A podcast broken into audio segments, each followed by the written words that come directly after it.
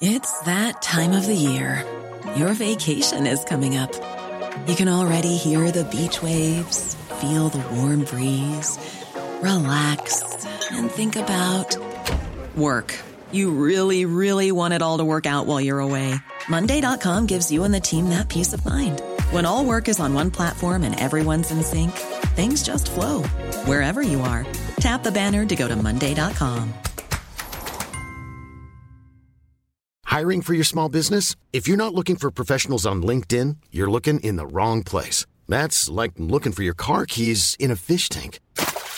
LinkedIn helps you hire professionals you can't find anywhere else, even those who aren't actively searching for a new job but might be open to the perfect role. In a given month, over 70% of LinkedIn users don't even visit other leading job sites. So start looking in the right place. With LinkedIn, you can hire professionals like a professional. Post your free job on linkedin.com slash people today.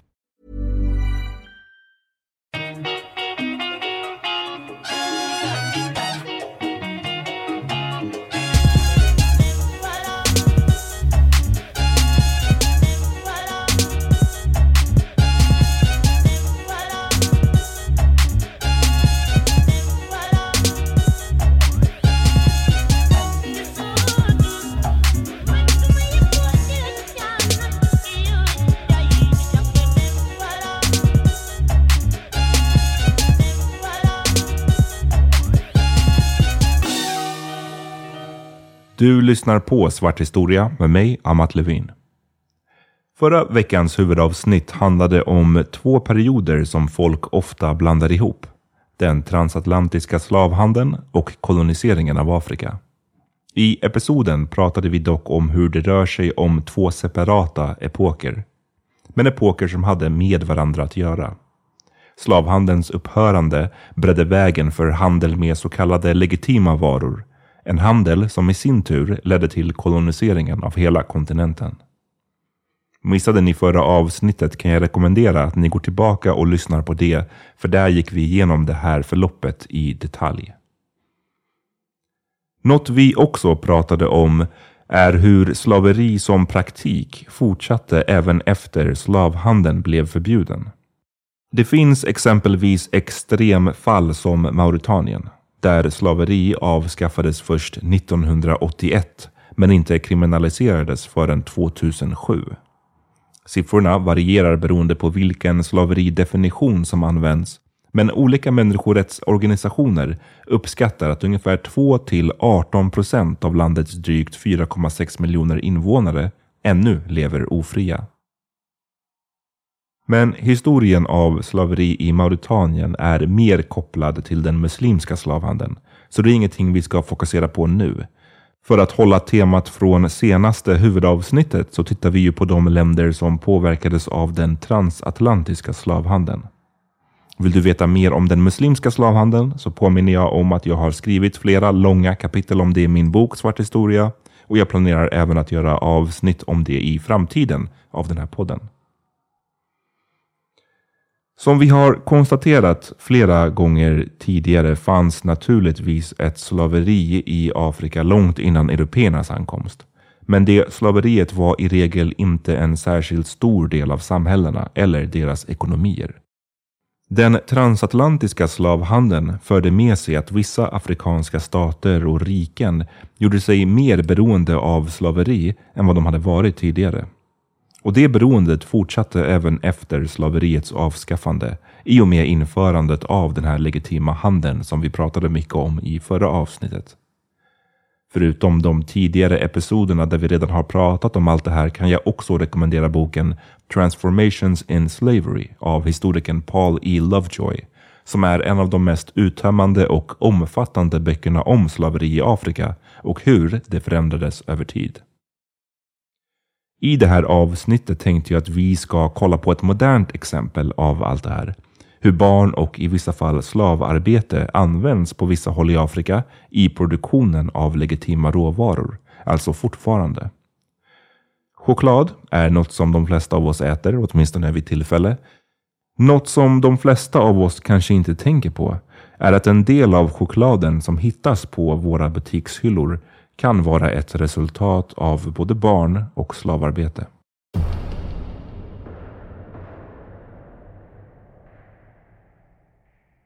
Sedan 2005 har sex män hoppats på att amerikanska företag ska stå till svars för brotten de utsattes för som barn.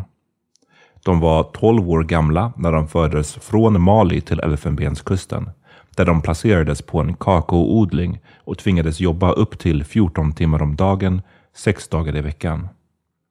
De pryglades med trädgrenar om de inte uppfyllde sina kvoter bevakades av beväpnade vakter medan de sov och bevittnade tortyr av andra som försökte fly. I stämningsansökan uppger de att amerikanska livsmedelsjättar som Cargill och Nestlé USA var medvetna om vad som för sig gick men ändå valde att köpa kakaobönor från odlingen. I 16 år rörde sig stämningsansökan genom det amerikanska rättssystemet tills Högsta domstolen i juni 2021 gav det slutgiltiga beslutet. Företagen kan inte hållas ansvariga. Över två tredjedelar av världens kakaobönor kommer från Västafrika, framförallt från Elfenbenskusten och Ghana. Framställningen är mödosam. I tropisk hetta röjs tät vegetation för att bereda plats för kakaoträd, ofta med machete som enda redskap. Mogna frukter, vissa stora som amerikanska fotbollar, samlas in och klyvs innan bönorna inuti fermenteras och torkas. Plantagen är småskaliga men många. Odlingarna drivs av småbönder och bönorna hovas in av lokala storförsäljare som levererar till utländska uppköpare. Upp till två miljoner västafrikanska barn tros vara involverade i kakaoproduktion. Majoriteten jobbar på sina familjers odlingar där de hanterar farliga redskap, bär tunga laster och exponeras för besprutning. En av huvudanledningarna är den låga ersättningen som kakaobönderna får, vilket gör att de ofta inte har råd att bekosta sina barns utbildning. När företagen vill maximera vinsten och hålla priserna på sina produkter attraktiva är det bönderna som kommer i kläm och många hävdar att de inte överlever utan att ta hjälp av sina barn. Hej, det är Ryan Reynolds och jag är här med Keith, co-star of my upcoming film If, only in theaters May 17th. Do you want to tell people the big news? All right, I'll do it. Sign up now and you'll get unlimited for $15 a month in six months of Paramount Plus Essential Plan on us. Mintmobile.com slash switch. Upfront payment of $45 equivalent to $15 per month. Unlimited over 40 gigabytes per month. Face lower speeds. Videos at 480p. Active Mint customers by 531.24 get six months of Paramount Plus Essential Plan. Auto renews after six months. Offer ends May 31st, 2024. Separate Paramount Plus registration required. Terms and conditions apply if rated PG. Millions of people have lost weight with personalized plans from Noom. Like Evan, who can't stand salads and still lost 50 pounds. Salads generally for most people are the easy button, right? For me, that wasn't an option. I never really was a salad guy. That's just not who I am. But Noom worked for me. Get your personalized plan today at Noom.com. Real Noom user compensated to provide their story. In four weeks, the typical Noom user can expect to lose one to two pounds per week. Individual results may vary. Men även modernt slaveri förekommer. Tusentals barn från fattigare regioner som Burkina Faso och Mali har blivit traffickingoffer och utsätts för tvångsarbete på kakaoodlingar. Problemet var välkänt redan 2001 när amerikanska politiker försökte utveckla en certifiering som på federal nivå skulle garantera att barn inte används inom kakaoproduktionen. Men chokladföretagen insisterade på att ingen statlig intervention krävdes. Industrin kunde reglera sig själv. Istället kom parterna överens i det så kallade Harkin-Engel-protokollet om att få stopp på de citat värsta formerna av barnarbete till 2005. Deadlinen missades och flyttades fram till 2010 när även den bommades justerades ambitionerna från att utrota barnarbetet till att minska det med 70 procent. Sedan dess har två deadlines passerat, 2015 och 2020, utan konsekvenser för företagen.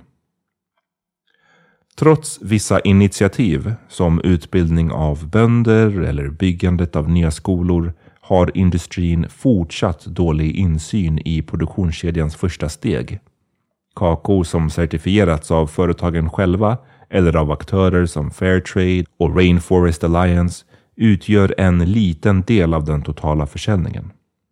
Även svenska Marabou, ägt av amerikanska Mondelez, använder främst västafrikanska kakaobönor. Moderbolaget har i uttalanden erkänt att de inte kan garantera att produktionen är fri från barnarbete. Ghana och Elfenbenskustens egna regeringar har också misslyckats med att bekämpa problemet. Utveckling sker dock. Ibland kan man läsa om operationer där polisen fritagit barnarbetare. I Ghana finns även lagar som gör det olagligt för barn under 13 år att arbeta och för personer under 18 år att utföra farligt arbete. Men begränsade polisbudgetar och utspridda plantager gör bevakningen bristande. Samtidigt görs nya försök att hålla chokladgiganterna ansvariga. Sommaren 2021 lämnades en stämningsansökan in å åtta nya unga malinesers vägnar. I ansökan argumenterade man för att företag som Nestlé, Hershey och Mondelez bidrar till att upprätthålla ett system som utnyttjar minderåriga. I juni 2022 avfärdades dock stämningsansökan av en domstol i Washington DC som menade att de målsägande inte på ett trovärdigt sätt kunnat visa på kopplingen mellan kakaoplantagen de hade jobbat på och de amerikanska företagen. I senaste huvudavsnittet pratade vi om Cadbury-skandalen i början på 1900-talet där det uppdagades att det välkända brittiska företaget använde sig av kakao som utvunnits med hjälp av förslavade människor. Men så sent som förra året kom nya anklagelser mot Cadbury, framförda i Channel 4-programmet Dispatches. Där uppdagades att barnarbetare används på plantage som ingick i Cadburys leverantörskedja.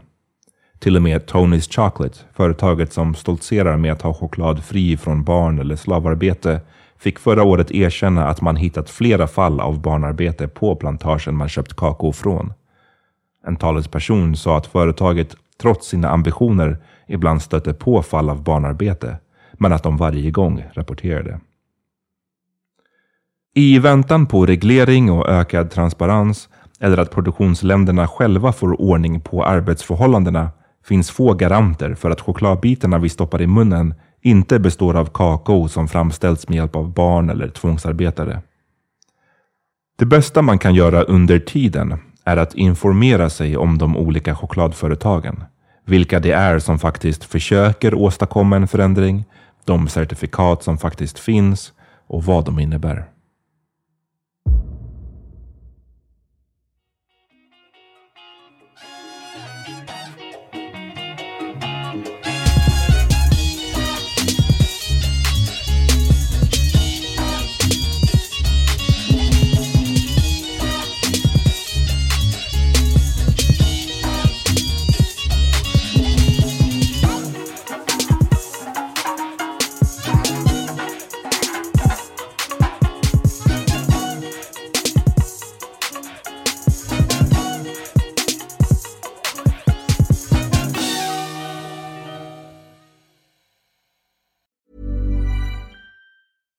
Folks, I'm Mark Marin from the WTF Podcast, and this episode is brought to you by Kleenex Ultra Soft Tissues your ally to help tackle your allergy symptoms this season. I love the change of seasons, but nobody loves pollen and all those other things floating in the air that make you sneeze during this nice weather. Kleenex Ultra Soft tissues are hypoallergenic and allergist approved. So fight back against watery eyes and runny noses without worrying about irritating your skin. For this allergy season, grab Kleenex and face allergies head on.